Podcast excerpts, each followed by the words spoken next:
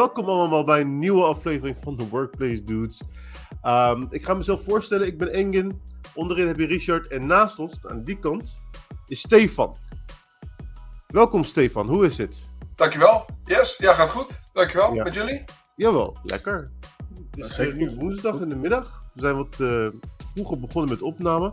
Ik heb een voorstelrondje gedaan. Want we hebben ook een soort van aankondiging. Ehm, want sinds dit week hebben wij ook een podcast. Spotify. Spotify. Wij zitten nu op, op Spotify. Dus het lijkt me gewoon verstandig als we dan ook nog elke keer onze namen vertellen. Dan weet iedereen tenminste wie er is. Dus Stefan, dankjewel Yes. dat je er bent. Ja, leuk, eh, leuk om hier te zijn. Ja, kun je wat vertellen, wat vertellen over jezelf? Zeker. Eh, nou ja, mijn naam is eh, Stefan Dingemansen, 33 jaar eh, jong. Eh, ik woon in Dordrecht samen met mijn, eh, met mijn vrouw. Ik heb een dochtertje van nu 9 maanden. Ehm, Leuk. Leuk, zeker. en ja, weet je, ik eh, doe iets met, met, met IT. Een aantal leuke dingetjes. Ja, Nice. dat, nice. dat is een beetje wie ik ben. Ja. Nou, vlak voordat, voordat, voordat we begonnen met de uitzending hadden we het even over die twee eh, frames achter je. Waarvan eentje dus de, de CompTIA CTT Plus is. En dus je bent echt pas eh, MCT geworden. Ja. Ja. Dat is cool. En eh, dat was ook een, bij Monique had je verteld, toch? Ja, klopt. Ja, volgens mij doet het over heel Nederland. ja. ja, training Bij, bij Monique. Volgens mij is Monique ook wel een van de weinigen die, eh, die onder andere deze training, eh, deze training geeft. Ja. Nou, Richard en ik gaan het... eh, wanneer gaan we het ook weer doen? In oktober gaat het plaatsvinden. Trouwens, goedenavond iedereen. Eh goedenavond Stefan. Misschien wel goed om even mee te geven. eh, Jeroen is onderweg. Die, Ja. Sorry, ik ben vergeten te vertellen. Ja, Jeroen? ja, ja.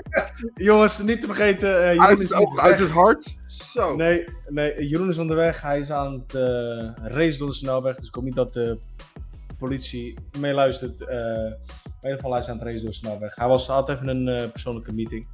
Ja. Dus hij is onderweg, de ging naartoe. Hij kon het niet missen. Hij eh, vindt Stefan superleuk, dus hij kon het niet missen. Dus hij, eh, en hij kon het ook niet missen. Dus, eh, dus hij is onderweg. Nou, komt hij er vanzelf bij. Gezellig. Ja, Ja. maar in ieder geval de Certified Trainerschap. Dat is in oktober gaat die eh, plaatsvinden. Eh, bij Monique. Eh, mocht er een van onze eh, luisteraars nog interesse hebben om deel te nemen. eh, ik weet niet of er nog plek is, maar eh, ik zou zeggen, probeer Monique te bellen, mailen via LinkedIn. Ja, Van Voor Monique. heb ik slecht nieuws, want ik, want ik heb de laatste plek ingenomen. Oké, nee, dus, eh, Dus misschien jammer. dat er. Ja, Maar haar- haar- cursussen, wat ik begrepen heb, is, en ik heb het al een paar keer al gezegd, eh, ik heb gehoord dat, het- dat ze legendarisch zijn. En dit is haar laatste eh, eh, keer dat ze de cursus gaat geven. dat ze aan het stokje Oh, overdragen. dan dan ehm, wordt Rick waarschijnlijk eh Ja. haar vervangen. Ja, dat is ook de reden dat Rick eh, volgens mij afgelopen jaar sowieso met Monique eh, optrekt. eh, om het uiteindelijk over te gaan nemen. En buiten die trainingen doet Rick volgens mij sowieso ook al veel, eh, veel met online trainingen, eh, lezingen, presentaties. eh. dus hij wordt ook steeds, eh, het is geen onbekende meer ook. eh. Kijk. Nee. Nou, in Maar ieder geval, we hebben er dat super zin in. eh, dat jullie dat gaan doen, eh, sowieso. Wat is, wat is de reden dat jullie het gaan doen? Nou, ik, ik wil sowieso MCT worden. Laat laat ik eerlijk zijn. Ik wil gewoon echt MCT worden. Ja? En ik, ben, ik heb altijd de mening gehad van als ik ga groeien, dan moeten de mensen om me heen ook gaan groeien. En ik hou niet van stilzitten. Dus eh, dat, is, dat is echt mijn enige redenen. Plus, plus, en dat is ook een beetje ehm, egoïstisch van mij. ehm, elke keer als ik een certificaat haal, of iets haal, of, of, of hoog ga, dan heeft mijn vrouw zo'n zo'n zo'n sparkle in haar ogen van, oh, dan is ze trots op mij. En dat is ook een van de redenen waarom ik zo'n certificaat haal, zodat ze echt trots op mij is. Ik gewoon leuk. Nou ja, dat is een, eh, op, op, op zich een legitieme reden toch, om dat, eh, Ja. om dat zo te doen. Ja, zeker. Ja, in, met- als in mijn geval. eh, ja, het is eigenlijk al. eh, dat idee is eigenlijk jaar geleden tot stand gekomen. Ik zou, ik zou je ook eerlijk toe bekennen, Stefan, dat eh, in mijn geval eh, had ik. eh, ik heb al jarenlang de droom om het eh MVP-schap te gaan doen. Om hè, om ooit die titel te kunnen behalen. Maar um, kijken naar mijn ontwikkeling. Ik heb net ook een dochter van acht maanden oud. Um, weet je, ik ben ook 32. Um, ehm, ben eigenlijk sinds de Workplace Dudes meer in de community binnengekomen. Dus ik ben mezelf nog aan het hè, invringen tussen de mensen, tussen de MVP's. En ik moet zeggen, ik vind het echt een geweldige eh, community waar ik heel veel van leer. En ook heel veel uh, kennis in opdoe. Maar ook super gave mensen. Ook de persoonlijke stuk. Uh, super. En in mijn geval, op een gegeven moment ja, een jaar geleden, ik heb al in een van de eerste shows ook kort verteld, ben ik ook voor mezelf gaan nadenken van, ik heb een bepaalde kracht, een bepaalde talent. En dat is, uh, ik hou van kennis te delen en ook kennis op te vangen van andere mensen. Maar ik kan best goed communiceren, denk ik van mezelf. Klinkt misschien arrogant bedoeld, maar Um, dus ja, ja, ik moet er wat mee doen. En ik denk dat als een mooie stap in de toekomstige uh, einddoel, denk ik dat een, MV, een MCT-schap past. En dat ik daar ook in de community iets kan gaan betekenen in de toekomst.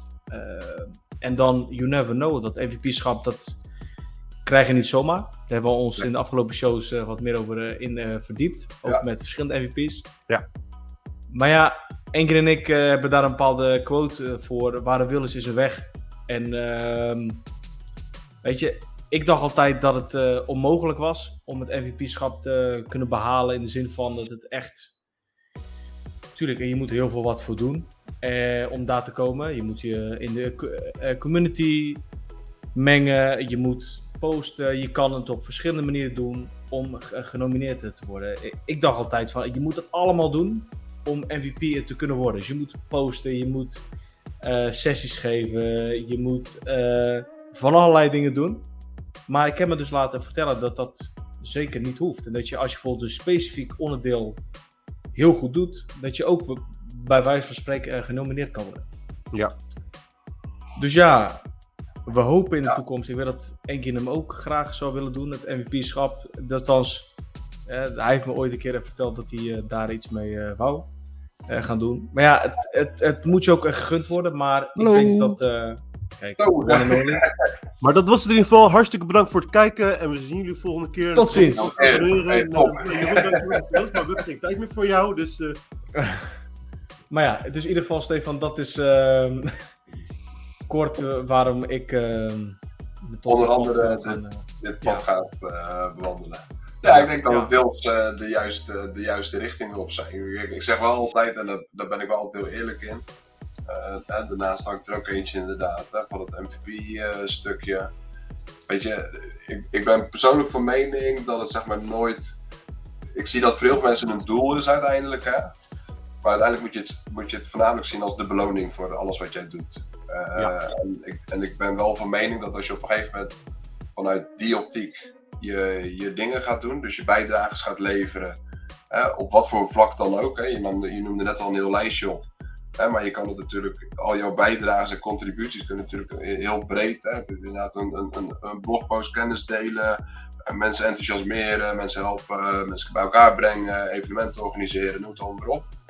maar dat, is, dat moet je eigenlijk vanuit jezelf wel doen, hè, om daarin te kunnen groeien. En dan is dat, dat stukje is uiteindelijk ja, de spreekwoordelijke veer in je, ja. Voordat je. Ja, ik weet niet hoe het wordt uitgezonden. Eh, nee, maar dat is uiteindelijk is dat de beloning er, uh, ervoor. En dan ga je ook zien dat ook. En daar zit ook niet zo'n druk op, want er zit ook helemaal geen druk op. Nee. Want hè, je gaf net al aan binnen de, die community, maar er zijn ook genoeg mensen in die community die dat niet hebben en net zo waardevol zijn. En persoonlijk denk ik zelfs soms waardevoller dan misschien andere mensen die dan zo'n status hebben. Maar het is, alleen, het is uiteindelijk alleen maar goed dat je, er, hè, dat je daarin verder wil. Hè, het gebeurt ook niet zomaar, het gebeurt niet vanzelf. Je moet er inderdaad. Nee, nee, nee. Daar gaan heel wat uren tijd in zitten. Ja, alles in het leven. Hè? Alles in het leven is uh, niet uh, vanzelf. maar in ieder geval, kijk, kijk, het is niet een titel, inderdaad, ik ben het wel met je eens. Het is niet een titel om even erbij te hebben. En het is leuk, het is mooi. Het is van, je moet echt achter staan. Je moet een bepaalde drive hebben van, ik wil echt mijn kennis delen. Ik wil het verschil maken. Ik wil eigenlijk echt laten zien van, ik ben voor de mens om ja, een, een positieve bij, juist een positieve bijdrage in wat voor zin dan ook. Hè, om, om, en dat kan je zo breed pakken als je, als je zelf wil. Dat is uiteindelijk waar je mee bezig bent. Ook als je het niet zou krijgen, of het duurt nog een half jaar, stop er vooral niet mee. Hè, want dat, het is zo super waardevol. En nou zeg ik er niet alleen voor dit, iedereen die op die manier zijn kennis en ervaring deelt met dingen waar ze tegenaan lopen, bij klanten, bij projecten, uh, die tot uh, s'avonds in de late uurtjes nog bezig zijn met oplossingen bedenken, daar tijd in stoppen en het uiteindelijk eigenlijk gewoon hè, voor gratis weggeven om andere mensen hè, het opstapje te geven om daar ook mee aan de slag te gaan. Ja, ik vind dat is toch meesterlijk. Dat is toch kick. Dat, ja, want we leren met z'n allen, weet je wel. Ja, we leren met z'n allen. En ik zeg je eerlijk, ik, uh, tot een jaar geleden zat ik, althans een jaar, ik denk een half jaar geleden zat ik niet echt in de community. Sterker nog niet. En uh, sinds de Workplace doet, uh, zitten we in feite Engin en ik, denk ik, als ik het zo mag zeggen, ja. En er gaat echt de wereld open. En echt aan alle luisteraars. Ik, ja, niet omdat uh, dat ik nu dit zeg, maar echt. Um, er zit zoveel kennis in alleen het uh, community stuk in Twitter. Of zo vaak wordt de blogpost gedeeld. Um, ja, het is gewoon echt geweldig. Ja, ja, absoluut. Zeker. Chapeau. Zeker. Maar Ehm, we hebben net natuurlijk uh, kort even uh, gehoord uh, wie je bent, wat je doet, wat je statussen zijn, top. Maar je hebt natuurlijk ook een blogpost website, stefandingemansen.com, als ik het goed heb. Ja. Er is niet zoveel meer op gedaan. nee, toevallig, ik keek er net op en ik zag inderdaad de post van Twitter post. Dus mensen gaan er niet naartoe. Nee, grap. Nee, ik wou zeggen, nee, nee, het is. Uh... Nou ja, klopt, hè. Zo, zo, daar ben ik ooit een klein beetje uh, mee begonnen. Nou, nog geen eens eerlijk gezegd. Eigenlijk was dat ook een beetje het resultaat van. 15 december 2020 was de laatste post. Kom op, ja. Stefan, even wat updaten. Ja, ja, en dan krijg je ervan als je uh, uiteindelijk een wat drukkere jaar achter de rug hebt. Uh, een kind. Dan moet, je, ja, dan moet je op een gegeven moment moet je een klein beetje is het kiezen of delen. Ja. Dan, uh, en dus inderdaad, op dat vlak uh, ben ik sowieso wat minder actief uh, geworden. maar dat wil niet zeggen dat ik niet op heel veel andere vlakken uiteindelijk actief ben. Maar het is wel iets wat ik weer, waar ik de komende periode weer op ga focussen. dus ik ben inmiddels thuis. Nou ja, Richard kan er dan nu ook over meepraten. het is allemaal in één keer even heel, heel je wereld is anders. Je moet alles gaan inplannen, overal rekening mee houden. maar inmiddels kan ik wel zeggen dat ik wel ja, ik heb er nou wel ervaring mee om dit, uh, om dit op de juiste manier te kunnen doen. En dan hou je uiteindelijk ook weer wat tijd over. En dan kan je weer zulke dingen gaan, gaan doen. En er gebeurt genoeg. Er gebeurt ontzettend veel in de wereld van de werkplekken, de virtuele werkplekken, automation, noem het dan maar op. Dus daar hoeven we zo niet stil te zitten. Als ik, ehm, ik heb me laten vertellen door Burghout dat jij, ja, als het gaat om Azure Virtual desktop, Windows Cloud PC, Windows 365, volgens mij is dat de juiste naamgeving. Ja. Uh, dat jij daar best wel uh, goed in bent, als ik het zo mag zeggen. Laat me zeggen. Niet of ja, ik kan... of zoiets. Sorry? Goed. Nee. Ja, dus. goed, goed, goed, in ben. Ik, ik, ik weet er wel het een en ander van. Ja, dat, uh, ik heb ja. er wel, wel wat ervaring mee. Nou ja, we hebben, althans, ik heb. Uh, we hadden bij Pink Elephant hebben we natuurlijk uh, een tijdje geleden hebben we, hele goede sessies gehad. Maar iets wat dieper. Want daarom ben ik heel blij dat je aan deze show kan aansluiten. Ehm, als we het gaan hebben over het onderwerp Azure Virtual Desktop versus Windows 365. Even in een notendop, uh, Stefan, kan je kort even uitleggen wat de ene is en wat de andere is? En dan komt de, de tweede vraag is, in welke situatie fit het zeg maar het beste? Dus wanneer pas je een solution uh, Azure Virtual desktop en wanneer pas je een Windows 365 omgeving toe? Dat is een zeer moeilijke vraag. Goeie vraag. Sorry dat ik overval, sorry dat ik overval, maar ja, jij hebt die vragen voorbereid. Nee, ja, kijk, de, uh, dus uiteindelijk de vraag Azure nee. Virtual Desktop uh, versus uh, Windows 365. Um, nou ja, wat is, wat is Azure Virtual Desktop? Ook voor de luisteraars, de kijkers die het, die het niet weten. Azure Virtual Desktop is een, is een DAS-dienst, Desktop as a Service dienst. Vanuit, vanuit Microsoft, draait op het Azure-platform. Het Azure Platform zijn uiteindelijk de verzameling van alle datacenters van, van Microsoft verspreid over heel de wereld. op verschillende locaties. En wat kan je met deze oplossing doen? je kan een virtuele werkplek uh, laten draaien erop. En net zoals dat je vroeger, en nog steeds trouwens, je een Citrix werkplek hebt op het oude RDS uh, uh, werkplek. een virtuele omgeving, gebaseerd in dit geval op, of een server OS. Zie je niet zo heel vaak bij Azure Virtual Desktop. of een client OS. En daar ik gewoon uiteindelijk Windows 10. Nou, van oudsher, Windows 10, daar kon je al met één gebruiker tegelijkertijd op aanmelden. Het was geen terminal server. Het was één sessie en vroeger Windows 7 of Windows XP kon je zelfs nog een, een, aantal dingetjes doen dat je met meerdere mensen erop kon. Totaal niet gesupport natuurlijk. en wat heeft Microsoft gedaan? Uh, Microsoft heeft eigenlijk zijn OS verder uitgebreid en heeft Windows 10 en uiteindelijk Windows 11 multisession uitgebracht. En dat betekent dus uiteindelijk vanuit de eindgebruiker oogpunt uh, iedereen heeft een, een, een, laptop, een desktop met Windows 10 of Windows 11, is gewend aan die look en feel, die weet exact waar zijn startmenu zit, waar hij alles moet vinden, hoe dat allemaal werkt. En, en vroeger dan logde hij in op een terminal server omgeving, kreeg in één keer een server OS. En zelfs dingen zoals Notepad zagen er al anders uit. En de configuratie vanuit onze kant, hè, vanuit beheerders of uh, degene die het bouwen, was ook altijd anders. Week altijd af van het was een server OS versus een client OS. Um, nou, Microsoft heeft dus Windows 10 Multisession uh, geïntroduceerd. En uiteindelijk een, uh, door middel van Azure Virtual Desktop is eigenlijk de infrastructuur uh, om die virtuele werkplek aan te bieden. Waarbij jij als beheerder, bouwer, support eigenlijk verantwoordelijk bent voor een klein stukje van die omgeving. En de rest wordt gemanaged en beheerd door, door Microsoft. dus uiteindelijk de, de gateways, de brokers, uh, dat wordt allemaal uiteindelijk door Microsoft uh, gemanaged. En eigenlijk wat wij moeten doen is uh, een virtuele machine aanbieden. met een met, CPU, memory, disken, een netwerkkaart. En dat ding gaat verbinden met het grote, het grote Azure Virtual Desktop gedeelte. En uiteindelijk is het zo dat gebruikers dus vanaf bijna elke willekeurige werkplek zijn of haar werkplek kunnen starten. En is het ook zo, zoals ik het uh, in uh, Jippe Janneke taal een beetje probeert te vertalen, is het een beetje een. Doet het mij denken aan de RDS-omgeving wat we vroeger uh, on-premise hadden. Met. Session Broker, exact. Met, de RS-broker, hosts erbij. Afijn. Maar dit is eigenlijk de, de, een aantal iteraties verder. Ooit is op een gegeven moment Microsoft begonnen met, dat heette toen de tijd nog RDMI, Remote Desktop ja, zoiets, Modern Infrastructure.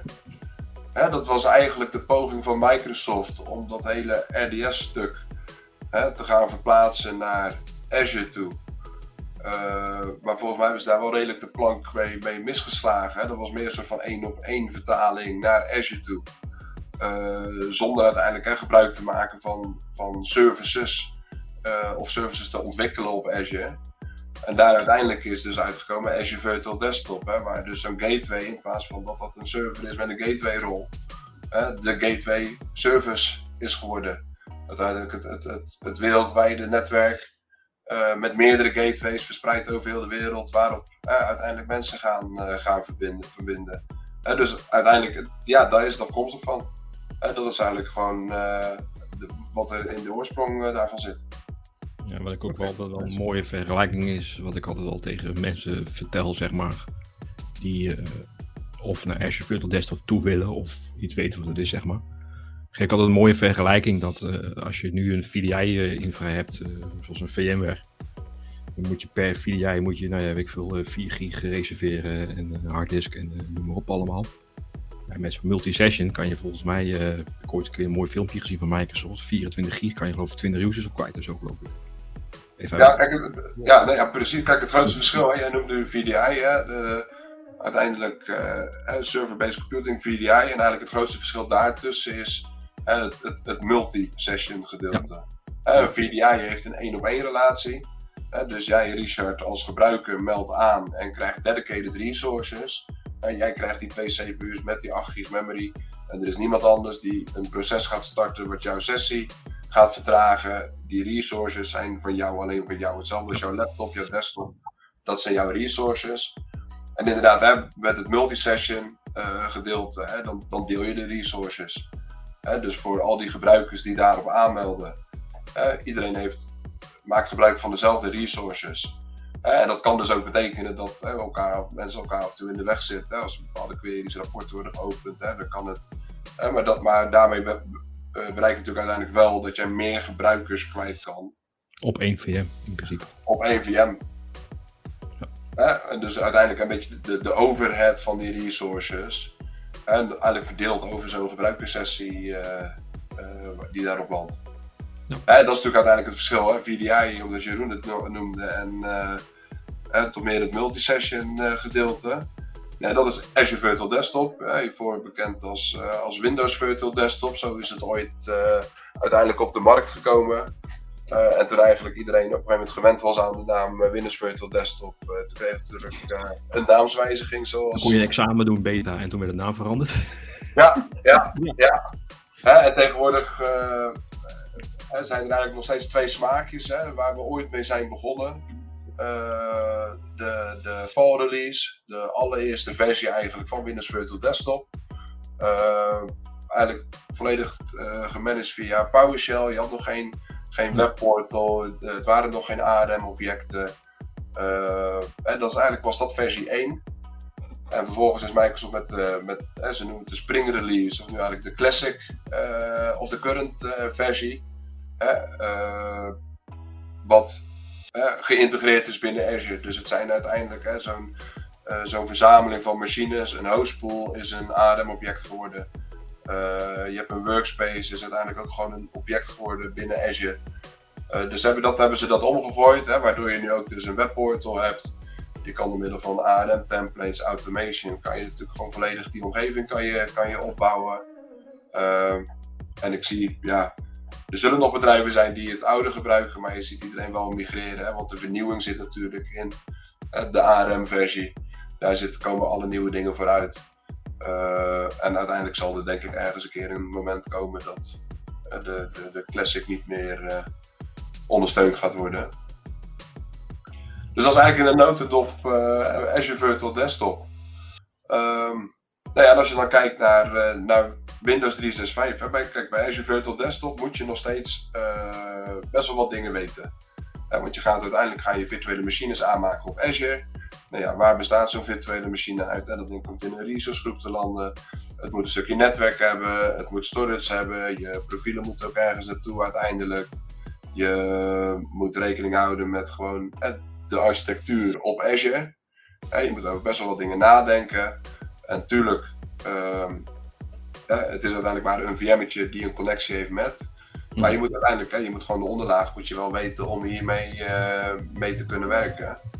Um, qua kosten is het natuurlijk gewoon pay-per-use. Alles op Azure, uh, bijna alles is gewoon betalen naar gebruik. Uh, en dus om kosten te besparen, hè, kunnen, kan je bijvoorbeeld de automatische scaling gebruiken. Dat machines automatisch uitgaan als er geen gebruikers op zijn aangemeld. Hè, alles om uiteindelijk die kosten te reduceren van wat er op Azure draait.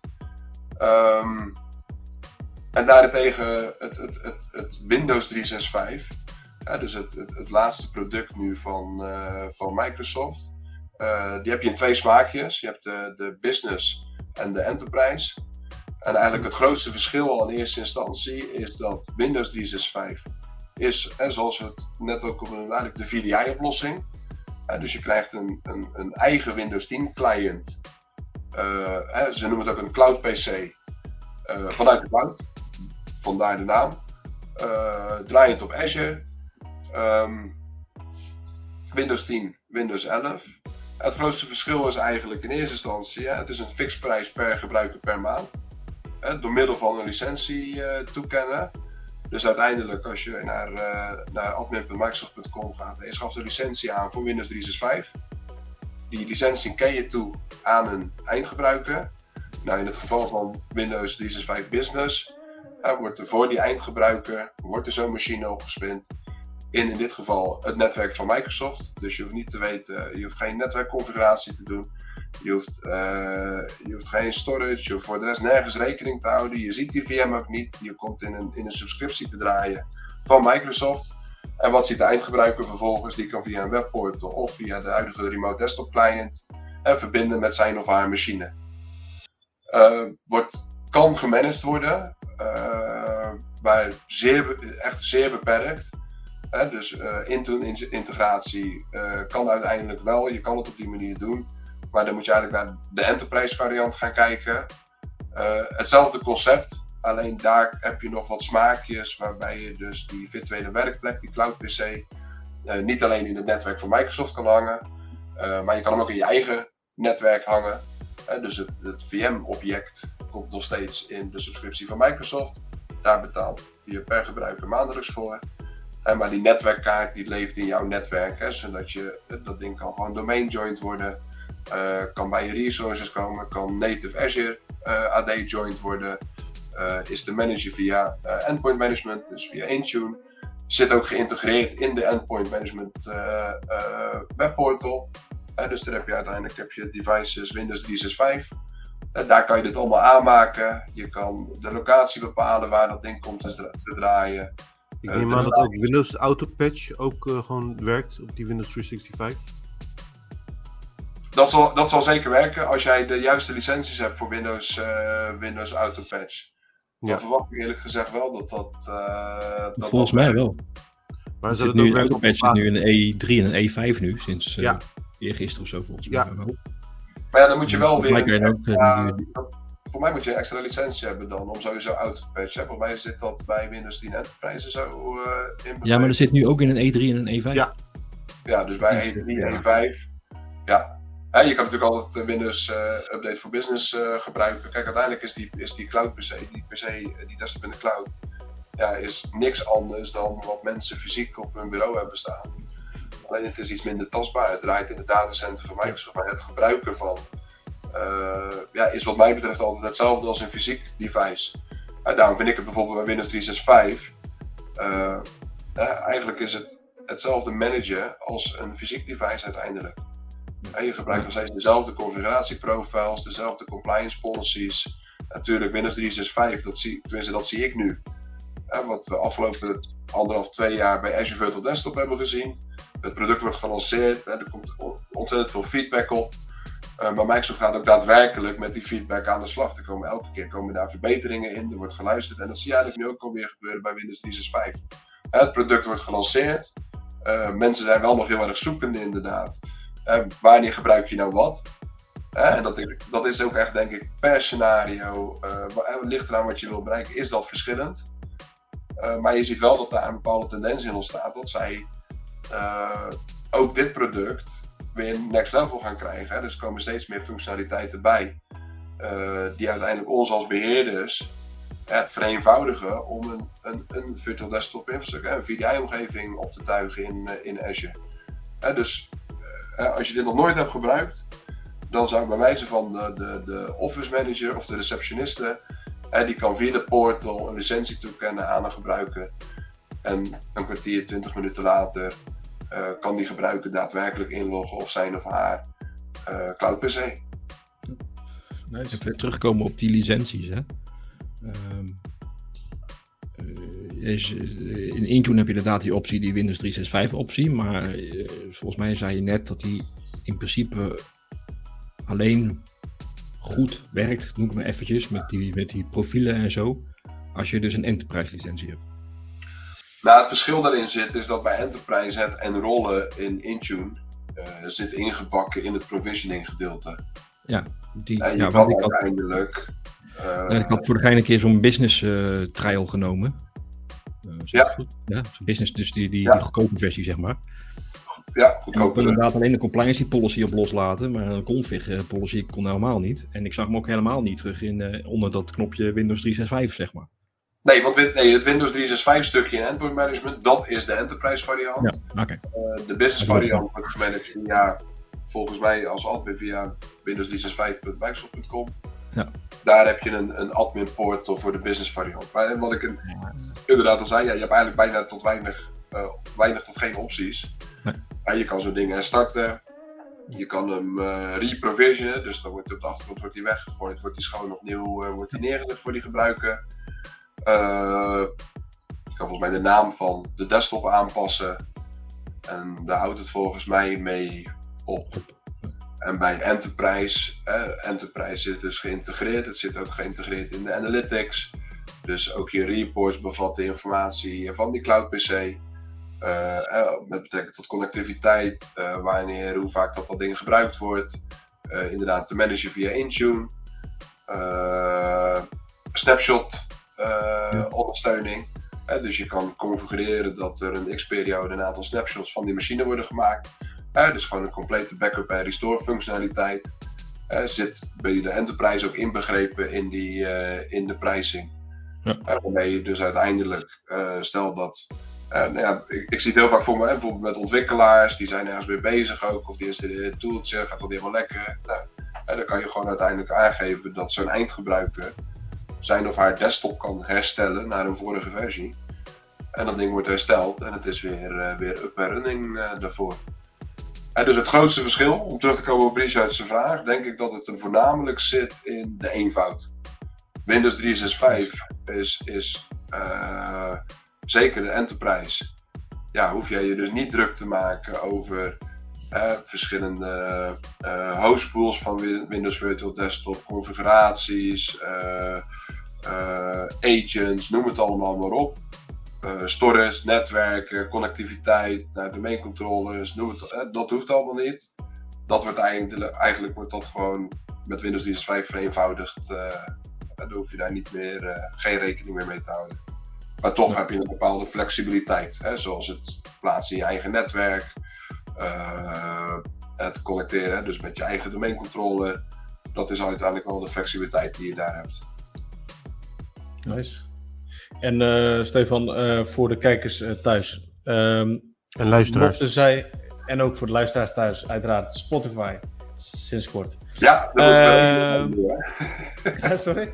Daar moeten we rekening mee houden, inderdaad. Ja, ja, ja. Kijkers en luisteraars. Uh, ja, dus uh, die kunnen nu ook ons vinden via Spotify.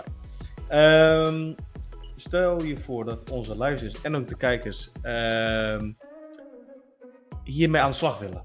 En um, is daar iets van een trial versie, uh, zowel van het AVD als van Windows Cloud PC, sorry, Windows 365. Geen Cloud PC meer. Ja. Facepalm. zeker die zijn er. Nou ja, Windows 365 is, uh, omdat het dat, dat licentiemodel is, is eigenlijk het makkelijkste natuurlijk om daar een, uh, een trial licentie voor te krijgen. Uh, as we speak, ik weet eerlijk gezegd niet of ze er nog zijn.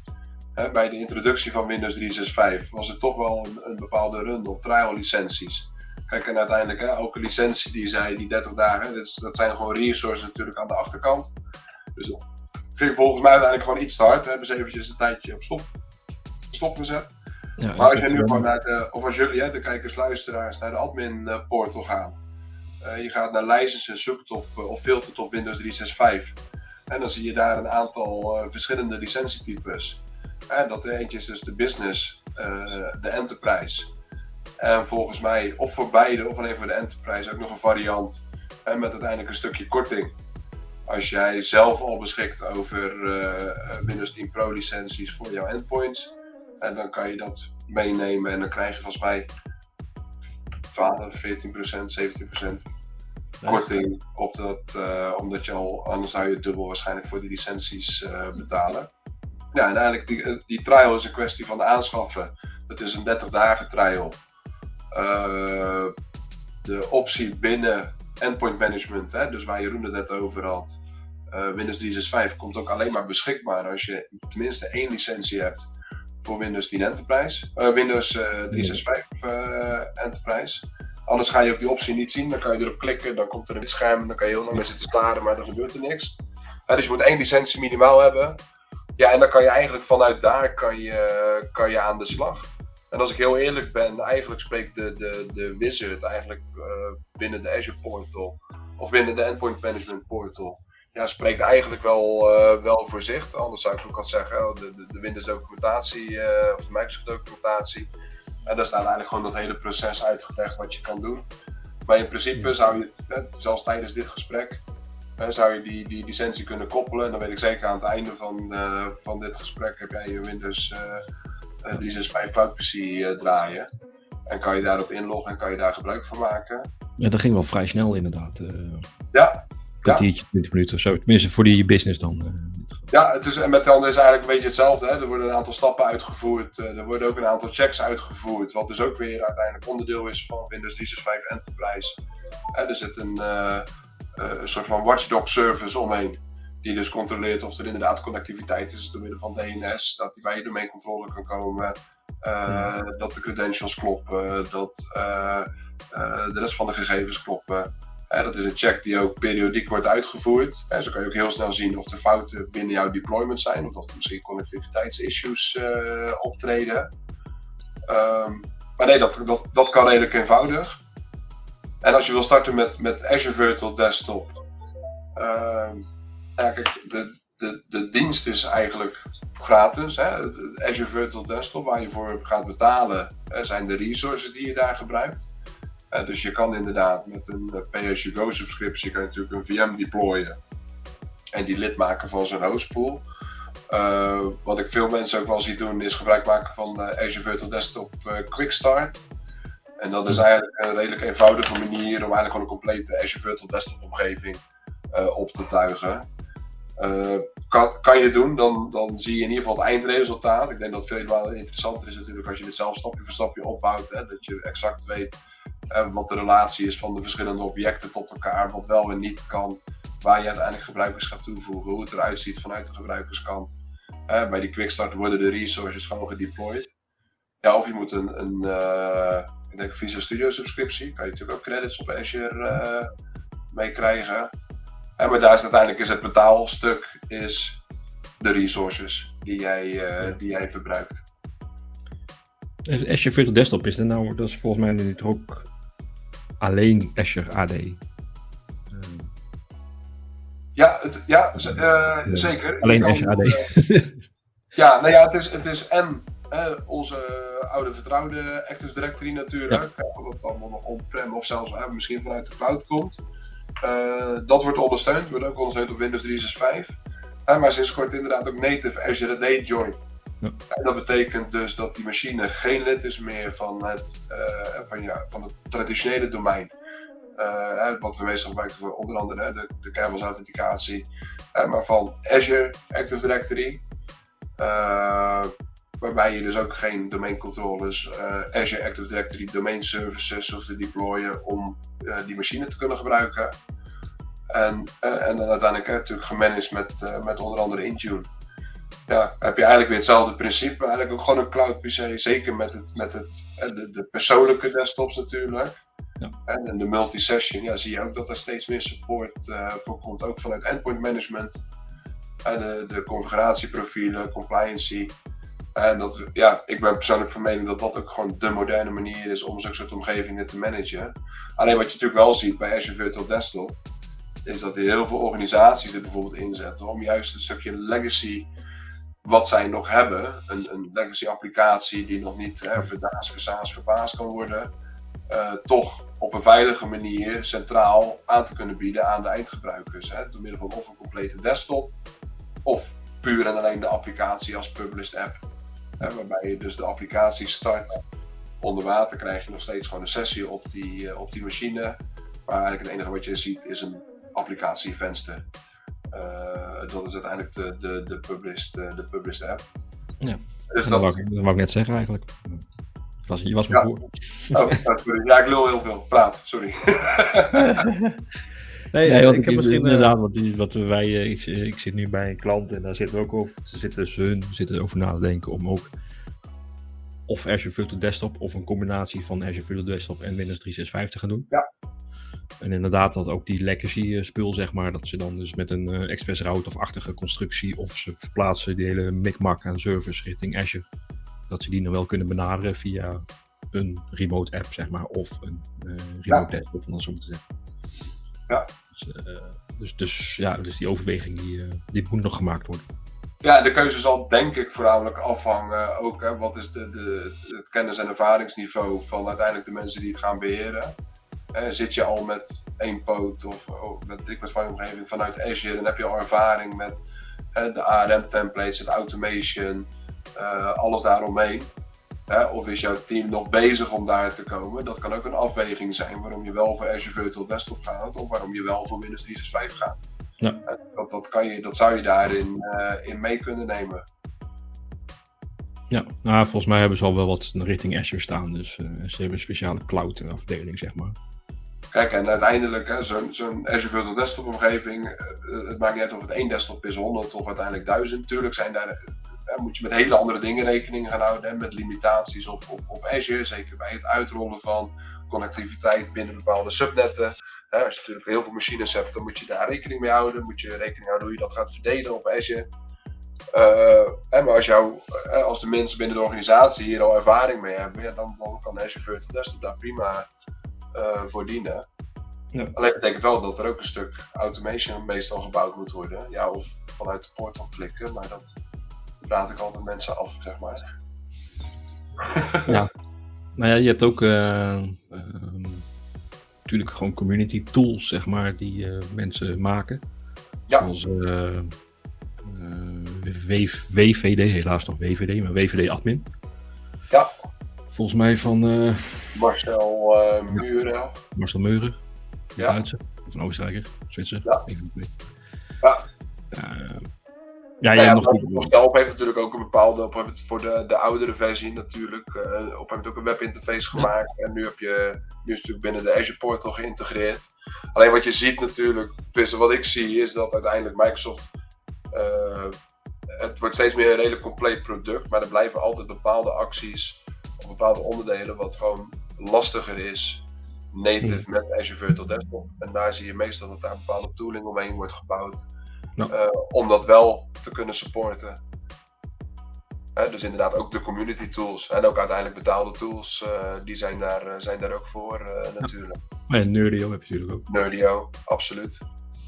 Absoluut, dat zie je, en dat zie je vaak inderdaad bij organisaties die dus of misschien in eerste instantie denken dat zij de kennis en de resources hebben om dat hè, bijvoorbeeld met Azure DevOps, automation allemaal op te zetten. Uh, komen er vervolgens achter dat dat ja, misschien lastiger is, of omdat ze daar geen ervaring mee hebben, dat dat best wel een, een hoge leercurve is voordat je daar bent. Mm -hmm. uh, missen toch wat features of, of, onderdelen binnen native Azure Virtual Desktop. Nou, en kunnen dan bijvoorbeeld kijken naar tooling zoals Nerdio om dat beheer uiteindelijk te versimpelen en de orchestration daaromheen te vermakkelijken zodat uiteindelijk meerdere mensen ook dit gewoon kunnen, kunnen beheren. Ja. Absoluut. Ja, ja. nice, nice. En Stefan, als je, dan, als je dan gaat kijken naar de situatie, want dat is ook een hele interessant altijd. Waar je verschillende meningen altijd op krijgt. Wanneer gebruik je de ene situatie en de andere? Misschien een vogelvlucht. Uh, ligt het aan de sizing uh, van de organisatie? Ligt het aan kosten? Ligt het aan de functionele requirements van zo'n organisatie? Waar ja, zit vaak ja, de. Ja, ja, alles een beetje zou ik zeggen. Alles een beetje. All of the above. Nee, ja, het is. Kijk, het is natuurlijk. Uh... wat ik denk, net zoals bijvoorbeeld met Windows 365, uiteindelijk is dat natuurlijk. Uh, zijn hele voorspelbare kosten. Je weet per gebruiker, weet jij exact wat het elke maand kost om zo'n machine uh, bij die eindgebruiker aan te bieden. Ja. Het is flexibel, het is schaalbaar, licentiemodel, uh, weinig uh, effort eigenlijk om het, om het neer te zetten. Wat, wat we net ook al zeiden, ja, waarschijnlijk als je die trouwlicentie hebt, dan ben je over 20 minuten heb je zo'n zo'n ding staan. Ja. enterprise, misschien iets meer configuratie. Uh, maar uiteindelijk uh, manage je het toch weer op dezelfde, op dezelfde manier. Uh, dus het, het, het, zou, het zou bijvoorbeeld bij een organisatie de keuze kunnen zijn, Windows 365. En iedereen weet ook dat we afgelopen jaar, twee jaar, ook best wel veel problemen hebben gehad met onder andere de supply chains. dus het aanvoeren en leveren van bijvoorbeeld hardware je zou bijvoorbeeld Windows 365 natuurlijk heel eenvoudig kunnen opzetten. Stel dat jij op projectbasis of binnen je organisatie, seizoensmedewerkers, hè, dan komen één keer komen er 20, 30 man komen er binnen of vrouw. Um, daar kan je 30 laptops voor gaan aanschaffen en dan leveren ze wil je een beetje prima die 30 laptops, maar zijn er pas over een maand. Ja. Weet je, en toch wil je die mensen natuurlijk, iedereen kent het bring your own device principe, maar je gaat uiteindelijk ga je bedrijfsapplicaties daar niet op laten landen. Die, daar, daar gaan ze niet op hun eigen device op meedoen. Het is prima om het als endpoint te gebruiken om ergens anders mee te verbinden. Nou, waarom zou je dan niet voor die maand bijvoorbeeld Windows 365 gebruiken? Heel veel dingen natuurlijk al die uh, dingen zoals Enterprise State Roaming, waar bepaalde configuraties worden opgeslagen. Uh, en jouw mail zit natuurlijk gewoon in jouw Exchange Online. Uh, je files zitten in OneDrive. Dus je kan eigenlijk zo'n medewerker kan je ontzettend snel een, een werkplek aanbieden. Terwijl die persoon wacht op de fysieke hardware. En zodra die binnen is, leveren we dat uit door middel van autopilot en weet ik het allemaal.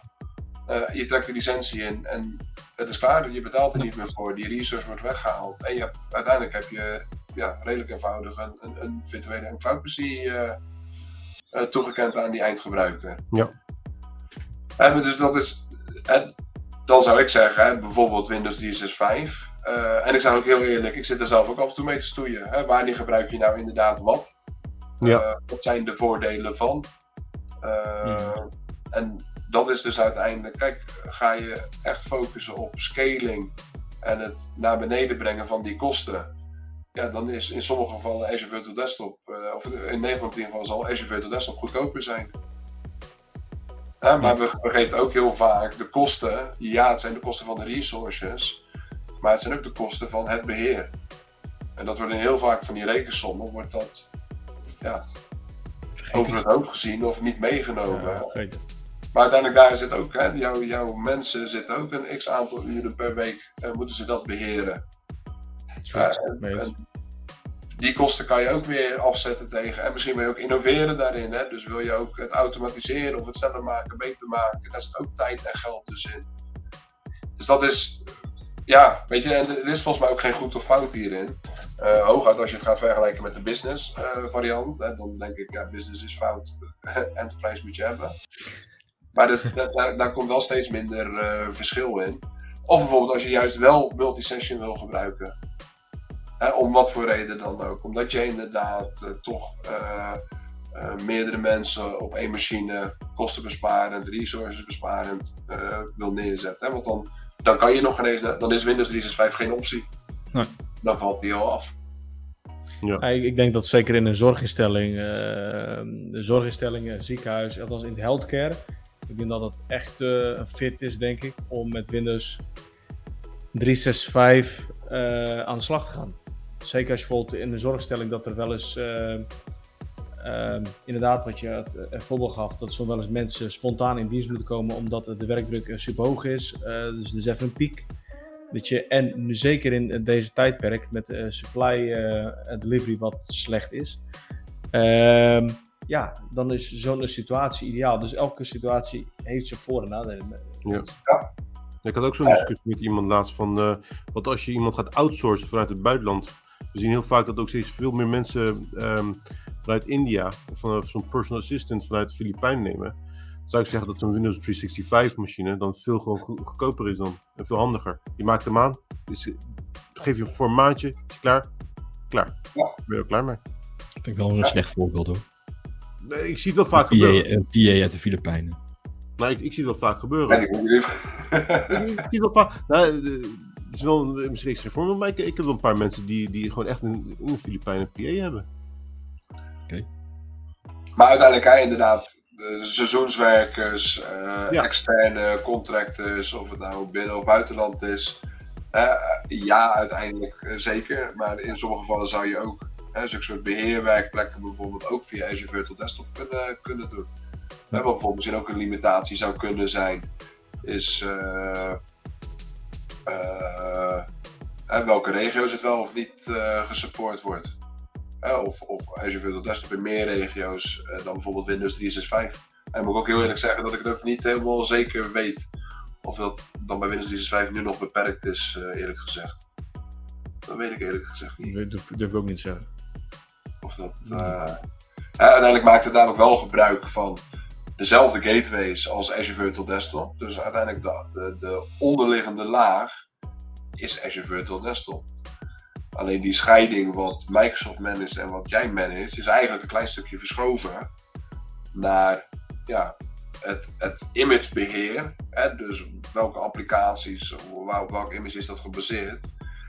En het provisionen van die machines uh, in je eigen netwerk of niet. Ja, nice. Ik heb, uh, ik heb nog misschien wel een leuke, uh, even off-topic. Off-topic? Ik, okay. Nou, off-topic. maar dit al off-topic. Ja. Ehm, ik vind het altijd wel leuk, Stefan, om te weten van wat moved jou om, uh, want je, ik inderdaad, ik, ik, ja, ik geloofde het gelijk toen Jeroen het zei van dat je heel veel kennis hebt over dit punt. En ik na, ik heb genoten in ieder geval van je een stukje uitleg wat je hebt gegeven over de twee uh, diensten.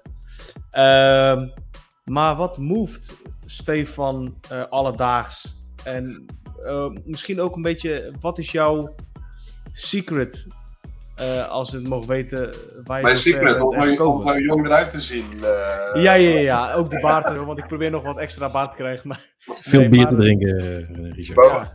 Veel nee, bier te drinken. Ik heb al een paar weken geen bier meer, moet ik heel eerlijk zeggen. Hashtag membier.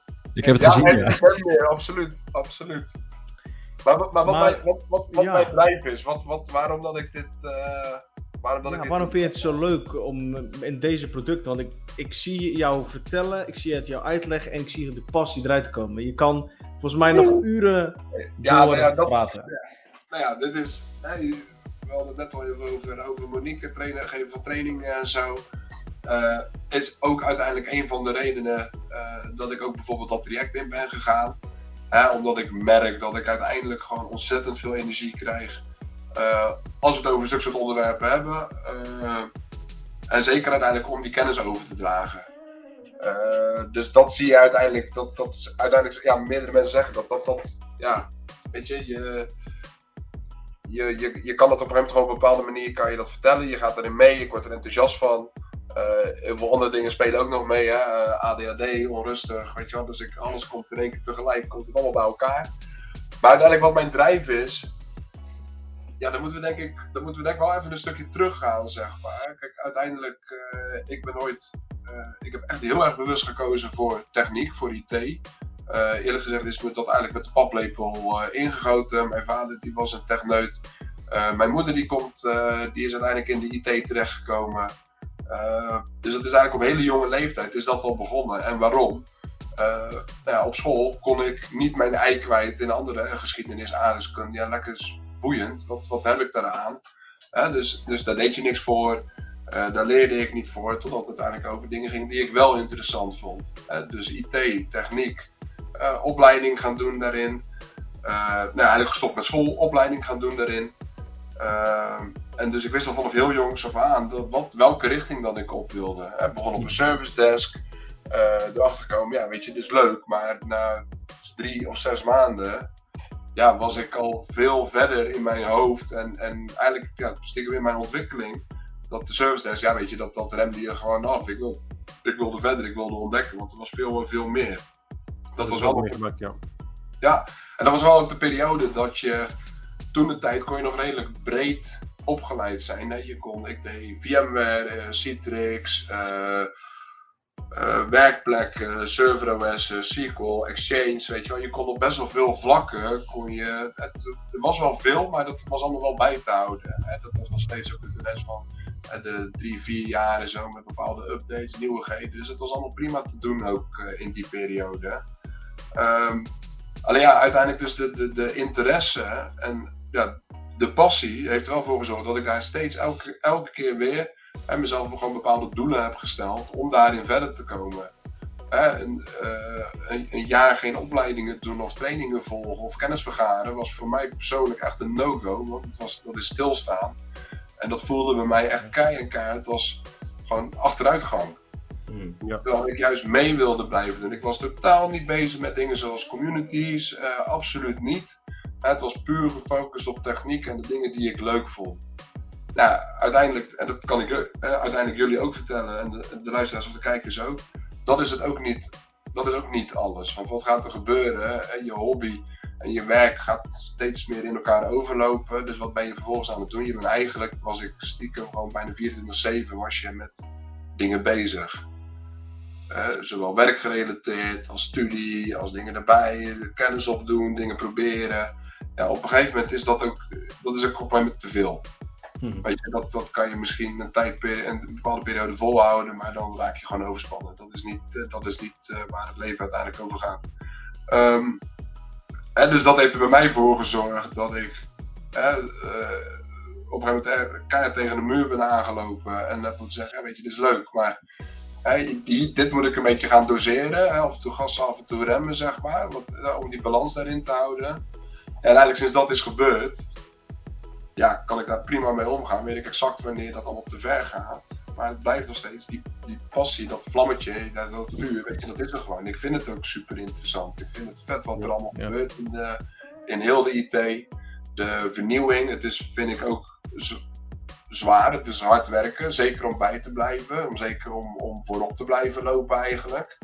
Uh, dus ja, dat is, dat is uiteindelijk, weet je, dat heeft allemaal ertoe geleid dat ik hè, nu hier bijvoorbeeld met jullie zit, uh, daarover te vertellen. Dat ik daar hè, een, een MVP award heb hangen, een MCT. En dat ik daarmee bezig ben gegaan om trainingen te geven. Uh, MVP, omdat ik uiteindelijk meer uh, in de community wilde gaan doen. Ik was daar ook helemaal niet mee bezig. Nee. Totdat op een gegeven moment, hè, zeker met de AVD-community, is dat, is dat balletje gaan rollen. Toen ontmoette ik iemand die net zo enthousiast was hierover. Uh, Neil McLaughlin is het. die ik toevallig ook, ik denk dat ik al drie jaar met hem nou, een x aantal uur per week spendeer. En die heb ik afgelopen IET-UFC-evenement in Berlijn, heb ik hem voor het eerst in person ontmoet. Maar het is ook zo iemand die ontzettend enthousiast is en ook gewoon liefde heeft voor zijn vak. Dus dat werkt ook weer aanstekelijk. Ja, dan ga je op een gegeven moment ga je steeds meer met mensen in contact komen. Kom je in contact met Jeroen. Uh, dat was voor mij over die trainingen toen, uh, toen de tijd. Weet je, en zo gaat dan in één keer gaan al die balletjes rollen. Al die, al, alles komt dan een beetje samen. Ja, en daar krijg ik uh, ontzettend veel, uh, echt ontzettend veel energie van. Uh, ja. Niet altijd hoor. Ik heb ook een dochter gehad die totaal niet sliep. En dat dat niet echt. dat is, nee, nee, nee, nee, is heel, heel ver te zoeken. Nou ja, ik, ik, heb nog één, één vraagje ja. eigenlijk. ja. Waarom heb jij gekozen voor Azure Virtual Desktop? Als jouw primaire dienst?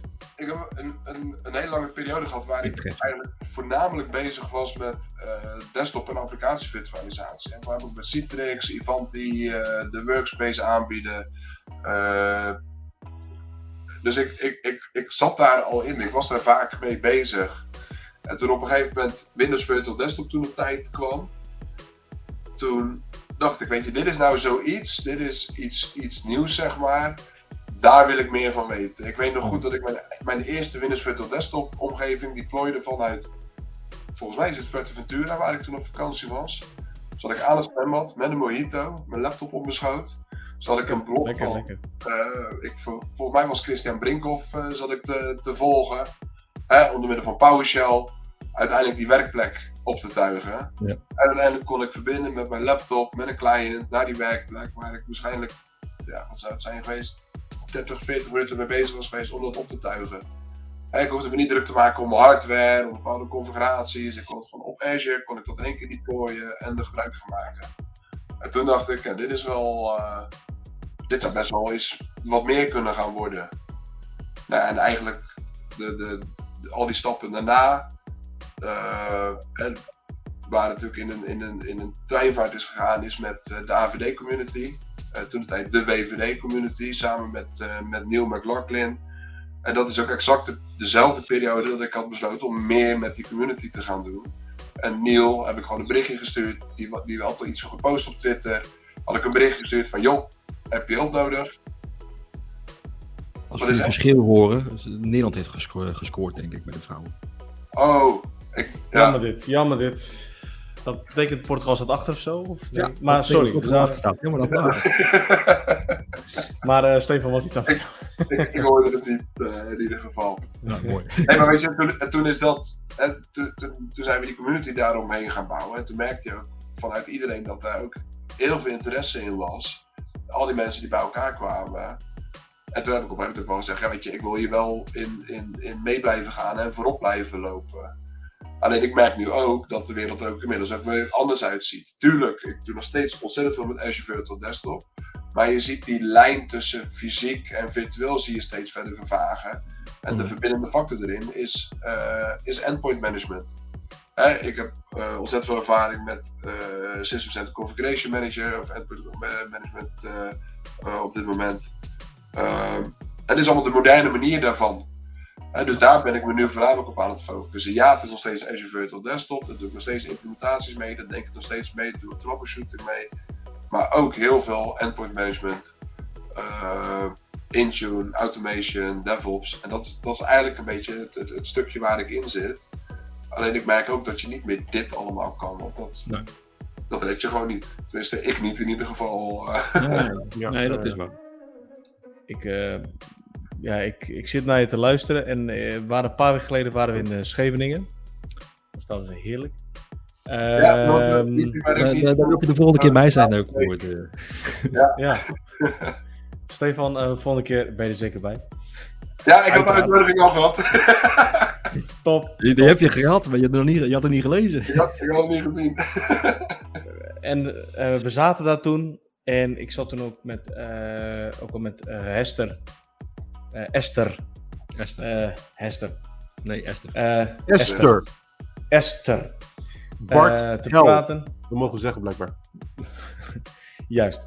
En zij vertelde mij over, zei Richard, je moet eens met hem even praten over hoe, althans, hoe hij tot dat punt is gekomen, zijn ambities en gewoon doen. Dus ik dacht van, nou, ik ga hem stellen. En nu ik dat heb geluisterd, uh, aandachtig uh, geluisterd heb, moet ik zeggen, wauw. Gewoon letterlijk, en dat bedoel ik niet uh, slijmerig of whatever, zeker niet. Maar ik, ik moet zeggen, gewoon de weg ernaartoe die je hebt bewandeld.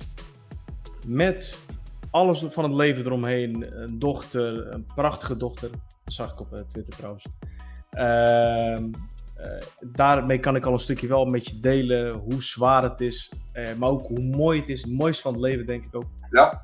Ehm, maar dat je op 33-jarige leeftijd al zoveel hebt gehaald. En de power die je hebt om nog verder te gaan in je leven. Respect. Ja, echt. En ook, ik denk dat onze kijkers nu echt ook deze mening echt met me, en ook luisteraars, uh, dit, dit, dit, zeker gaan delen. Want ja, ik, laat me zeggen, aan het eind van deze sessie, ik heb eigenlijk al wel gelijk al de behoefte om ook in die onderwerpen wat verder in te duiken puur hoe je het uitstraalt. Echt gewoon de kracht. Ja, ja. Nou ja, kijk, dat, kijk, uiteindelijk dat niet alleen. En, en dan is het stukje techniek. Maar uiteindelijk, weet je, de reden... Of, ik ben hier gekomen omdat je, uh, weet je, je moet uiteindelijk iedereen, alle kijkers en luisteraars, weet je, je, je, je moet doen wat je gelukkig maakt. Je moet doen waar je die energie van krijgt. Weet je, zit je ergens niet op je plek waar je ergens ongelukkig, moet je het niet doen. Weet je, en, en soms moet je in het diepe springen. Uh, onderachter te komen wat je wel of niet wilt. En die, dat moet je ook durven en dat moet je ook gewoon uiteindelijk doen. Uh, en ik heb ook altijd gezegd, weet je, ik heb liever later heb ik spijt van de dingen die ik wel heb gedaan, dan de dingen die ik niet heb gedaan. En het is super cliché, maar het is wel zo. Weet je, ik ga liever nog tien keer op mijn bek en dat ik bij de elfde keer erachter kom wat ik, waar ik goed in ben, of waar ik energie van krijg, of waar ik uh, s ochtends vroeg voor wakker word. Als dat ik dingen doe die ik eigenlijk helemaal niet leuk vind. En, en dat, dat, dat, hele pad wat je schetst. En, en Esther, uh, Esther heb ik op zo exact zo'nzelfde manier ontmoet. Uh, door gewoon te zeggen, ja, weet je, ik wil, ik wil met mensen in contact komen. Toen heb ik Esther een berichtje gestuurd. Hey Esther, ik ben Stefan. Zullen we eens een keer een bakje koffie drinken virtueel? Dat was allemaal tijdens corona. Weet je, en ik moet wel heel eerlijk zeggen, ik ben een ontzettende fan van Esther. Esther is een ontzettend goede vriendin van mij. Uh, Maar zij heeft, zij heeft dat ook wel bij mij weer aangewakkerd. Zij heeft dat. Ik denk ook altijd dat zij 24-7 met van alles bezig is. Uh, uh, presentaties, kennis delen, werken, weet ik het wat ze allemaal doet. Maar zij heeft, dat, zij heeft dat bij mij ook weer aangewakkerd uiteindelijk, dat die drijf. en daarvoor vind ik het zo belangrijk dat je, of je nou MVP bent, of je nou MCT bent, of je nou weet ik veel wat bent, of, of helemaal geen award. Of, maar als jij op een manier bijdraagt binnen die community en op deze manier andere mensen helpt om daar ook te komen, om, dat, om te enthousiasmeren, om, om dat, dat duwtje in de rug, dat steuntje als het een keertje niet goed gaat, als het wel goed gaat. Weet je, dat is uiteindelijk waar heel die community om gaat. En dat is, weet je, Zeker. dat is waar je naartoe moet, uh, moet gaan. Uh, nou, ik, ik, moet jullie zeggen, uh, het is, ja, wij leven ook in een samenleving in mijn optiek die ook soms iets te perfectionistisch is. Als je snapt wat ik bedoel. Volgens, volgens, ja, maar volgens mij wat je ook ziet natuurlijk overal, is uiteindelijk alleen maar het perfecte plaatje. Iedereen deelt ook alleen maar alle, al het geluk en, de, en de, de, de liefde en, en de goede dingen die gebeuren. Mhm. Er zijn heel weinig mensen die uiteindelijk de slechte dingen die gebeuren. Uh, toen, uh, op de dag dat ik uh, het mailtje kreeg van de MVP Award, twee uur daarvoor kwam mij erachter dat mijn vrouw een miskraam had gehad. Maar dat deel je niet. Dat zijn, maar dat zijn wel dingen die nog steeds gebeuren. weet je, en dat, dat, uh, dat zorgt ervoor dat. Uh, het, tuurlijk gaat het wel eens kut. Tuurlijk, iedereen heeft zo zijn, zijn fases. maar uiteindelijk ook door anderen. Weet je, dat, dat is wel zo. Het, het, het positieve wordt altijd alleen maar gedeeld. Ja. Maar er zit achter elke tweet, achter alles wat jij ziet op LinkedIn, op elke post zit een persoon die ja, ook gewoon gevoelens heeft. En die ook met dingen misschien wel struggelt of misschien niet. Of het, het, gaat allemaal voor de wind. Of, weet je, het is, en uiteindelijk is het ook gewoon hard werken. Ja, we, we hebben een van onze eerste shows kwamen we, uh, Engie en ik, uh, toevallig hadden van die quotes. En dat zijn wel power quotes, maar ik uh, gebruik hem af en toe wel eens, want in de samenleving waar we zitten, mensen moeten altijd moet perfect zijn. Uh, op Instagram precies wat je zegt, op Twitter, whatever. Elke social media moet alles super zijn. Iedereen moet er gelikt uitzien. Maar ik denk persoonlijk dat. Uh, tuurlijk, mensen gaan niet delen wat ze, dat het even minder gaat, want het meestal iets persoonlijks is. Maar ik vind wel van je tegenslagen uh, word je beter en geef niet op als het even minder gaat. Dat is het. Ja. aan het begin zal je vallen en kan je het onderuit gaan. En op een gegeven moment struikel je misschien alleen nog, weet je Die, die, die, al die hobbels, al die dingen. En weet je, en je hoeft dat ook allemaal niet... Je hoeft dat niet alleen te doen ook, hè? Dat, dat is ook heel vaak. Mensen denken soms, ja, weet je, ik ben, eh, zeker de mannen ben ik van mening. Die denken, weet je, ik ben stoer en ik kan het allemaal alleen. Nee, dat is onzin, joh. Nee. Ik heb ook soms gewoon mensen bij nodig. En dat is, en we komen steeds terug, en dat, dat is wel het, het, woord van deze van deze avond. Community uiteindelijk draait om veel meer dan een technisch blogje schrijven en het linkje delen. En mensen zeggen, oh wat vet, weet je, hier heb ik wat aan. Het, zijn, het, is het persoonlijke contact, het is mensen leren kennen, het is mensen helpen waar, waar, waar ze hulp bij nodig hebben. Of uh, mensen vragen of ze jou willen helpen. Dat is uiteindelijk waar dat, waar dat om gaat. Ja, zeker. Absoluut. Absoluut. Ik zie al dat we al best wel over tijd zijn. Oh jij moet dus gaan knippen? Ja, dus... Uh, Als ik dit afsturen naar, uh, naar Monique, dan hebben we een probleem. 20, 20 minuten, hè? 18, 18 minuten. oh, 2-0. Okay. Ja. Dus, dus. van? 2-0. Jammer. Ik zie inderdaad uh, dat in de zevende minuut Damaris gescoord heeft, 1-0. Maar ik zie geen tweede goal. En hoeveel staat het? Staat het nu 2-0? Dus er moet er nu bij komen. Maar staat het nu 2-0 jongens? Want nee, dan... het is uh... nog steeds 1-0 zie ik staan. Ja, maar ik kan het via, kijk via Turkse zender zeker. Ik ben dus absoluut geen, uh, geen voetbalfan. Ik kijk geen voetbal. Ik, lig ik heb een dochter die voetbalt, uh, Stefan. Dus, uh... Ja, dat moet je wel. Dat moet je wel. Ja, Jeroen heeft echt een, een, goede voetballer thuis. Dus die moet wel te kijken, denk ik. Ja, ja zeker. Ja.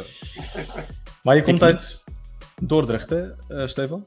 Yes. Ja, ik kom uit uh, uh, Hoogvliet, dus uh, Spijkenis Hoogvliet. Hè. Daar, ik zit tegen de grens van uh, Spijkenis aan. Spijk Maar dan zou je, Ja, dan zou je eigenlijk bijna zeggen, je bent een Feyenoorder. Of, uh, maar je hebt geen voetbal... Uh... Nee, absoluut niet. Nee, dat is echt iets, daar heb ik... Natuurlijk, als, als Oranje speelt, uh, zal ik kijken. Dan zal het over het algemeen voor de gezelligheid aan het bier zijn. Maar ik kan, er, ik kan er niet wakker van liggen. Ik word er niet warm of koud van. ik, heb, ik heb een schoonvader die het wel iets interesseert. Dus ik probeer altijd via een vriend van mij... ik zeg, oh, zijn er nog, zijn er nog spannende dingen? Want dan kan ik daar zeggen, als je dat vanavond, vanavond speelt... En zodra die één vraag stelt, ben ik hem al kwijt. Want ja, weet je, het, het, het interesseert me gewoon niet. Ik vind het tof dat mensen daar wel zo enthousiast over worden, maar ik niet. Nee, dat is ook bij mij zo. Ik kijk alleen maar wanneer uh, EK of WK is. En dan echt alleen maar wanneer Nederland of Turkije speelt. Ik zie nu ook dat uh, Stefanie van der Gracht uh, 16e minuut al de tweede doelpunt heeft gescoord. Dus Nederland gaat goed. Jammer voor Portugal. Maar ja, het is maar Portugal. Ja. In ieder geval, ja. Stefan, ik, ik wil je hartstikke bedanken dat je even tijd kon, kon maken voor ons. Um, wel jammer dat je afgelopen zaterdag, was het afgelopen zaterdag of twee weken geleden?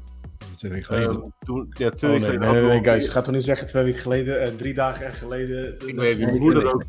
Um, we gaan binnenkort sowieso weer een, een, een vijfde bijeenkomst maken van. En dan zal ik je sowieso een uitnodiging sturen. Top, helemaal leuk. Ik wil, voor de, ik wil de kijker en de luisteraar hartstikke bedanken.